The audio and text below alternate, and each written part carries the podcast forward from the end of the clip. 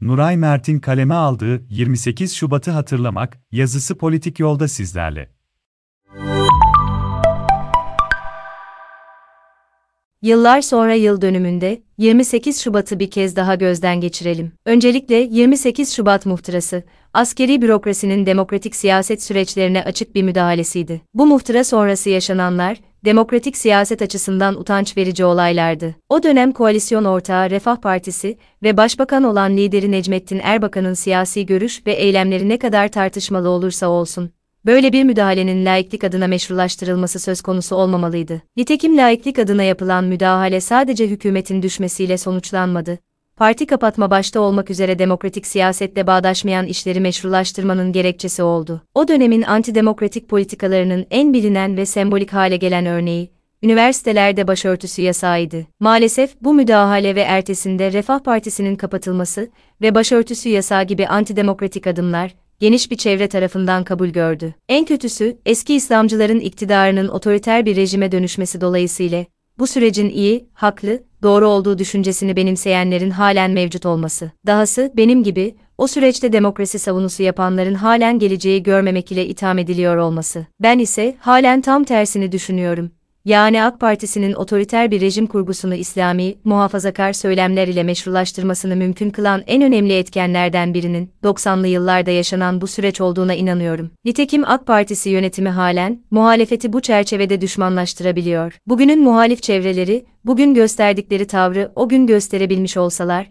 AK Partisi'nin 28 Şubat başörtüsü ve genelde din konusunu bu denli siyasi ranta dönüştürmesi mümkün olmazdı. Bu arada konu sadece ana muhalefet partisi CHP değil. O günlerde başörtüsü yasağı konusunda en özgürlükçü sol çevrelerin bile yakın zamana kadar hiç de demokratik bir tavır sergilemediğini biliyoruz. Özgürlük ve Demokrasi Partisi'nin 2000'li yılların başında Kadıköy'de düzenlediği bir arada yaşamak mitinginde, parti başkanının konuşmasında hizmet alan, hizmet veren ayrımından söz ettiğini hatırlıyorum. Ancak bu arada hatırlamak gereken başka bir gerçek, 28 Şubat zihniyetinde yazıp çizenlerin bir kısmının sonradan baş demokrat kesilebilmiş ve en önemlisi bu arada AK Partisi saflarına geçebilmiş olmalarıdır. Kimseyi geçmişinden dolayı itham etmek istemem.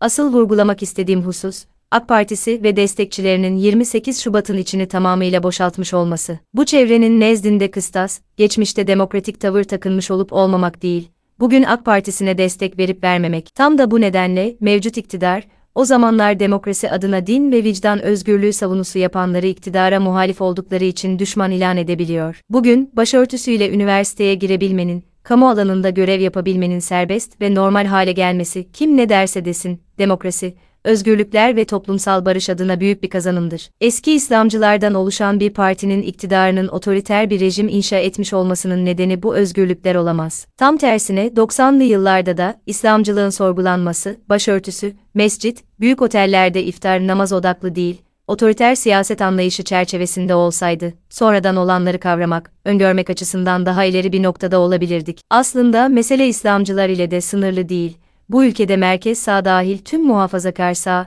siyaset söylem ve çevreleri otoriter bir siyaset anlayışının temsilcileri olmuştur. Ancak Türkiye'de sağ siyasete ilişkin temel sorun hep otoriter siyaset anlayışları değil, din eksenli olmuştur. Hal böyleyken 90'lı yıllardan itibaren sol, liberal demokrasi söylemleri de Türkiye'de otoriter siyaset geleneğin sorgulanmasını Kemalizm eleştirisiyle sınırlandırmaktaydı. 80'li yıllardan itibaren İslamcı çevrenin demokrasi vurgulu söylemlerine karşın Susurluk skandalı esnasında koalisyon hükümeti bileşeni Refah Partisi ve başbakan olan liderlerinin gösterdikleri tavır ortadadır. Ancak diğer koalisyon ortağı Merkez Sağ Dip'nin tavrı farklı değildi. Bu şartlar altında 28 Şubat müdahalesi laiklik adına gerçekleşti. Daha da önemlisi MHP'nin 1999'da Ecevit Başbakanlığında kurulan koalisyon hükümetinin DSPMH ortaklarından biri olmasıydı. Kısacası bu partiler açısından da önemli olan susurlukta ortaya çıkan tablo değil, başörtülü öğrenci meselesiydi. Nitekim Ecevit daha sonra, Nisan 1999 seçimleri ardından kapatılan Refah Partisi'nin yerine kurulan Fazilet Partisi milletvekili Merve Kavakçı'yı meclisten kovmuş, spli kadın vekiller de dışarı diye tempo tutmuştur. AK Partisi bu hafıza üzerinden siyaset yapmaya devam ediyor. Çok şükür artık muhalefet kanadında o zihniyette olanlar varsa bile çok küçük bir azınlık,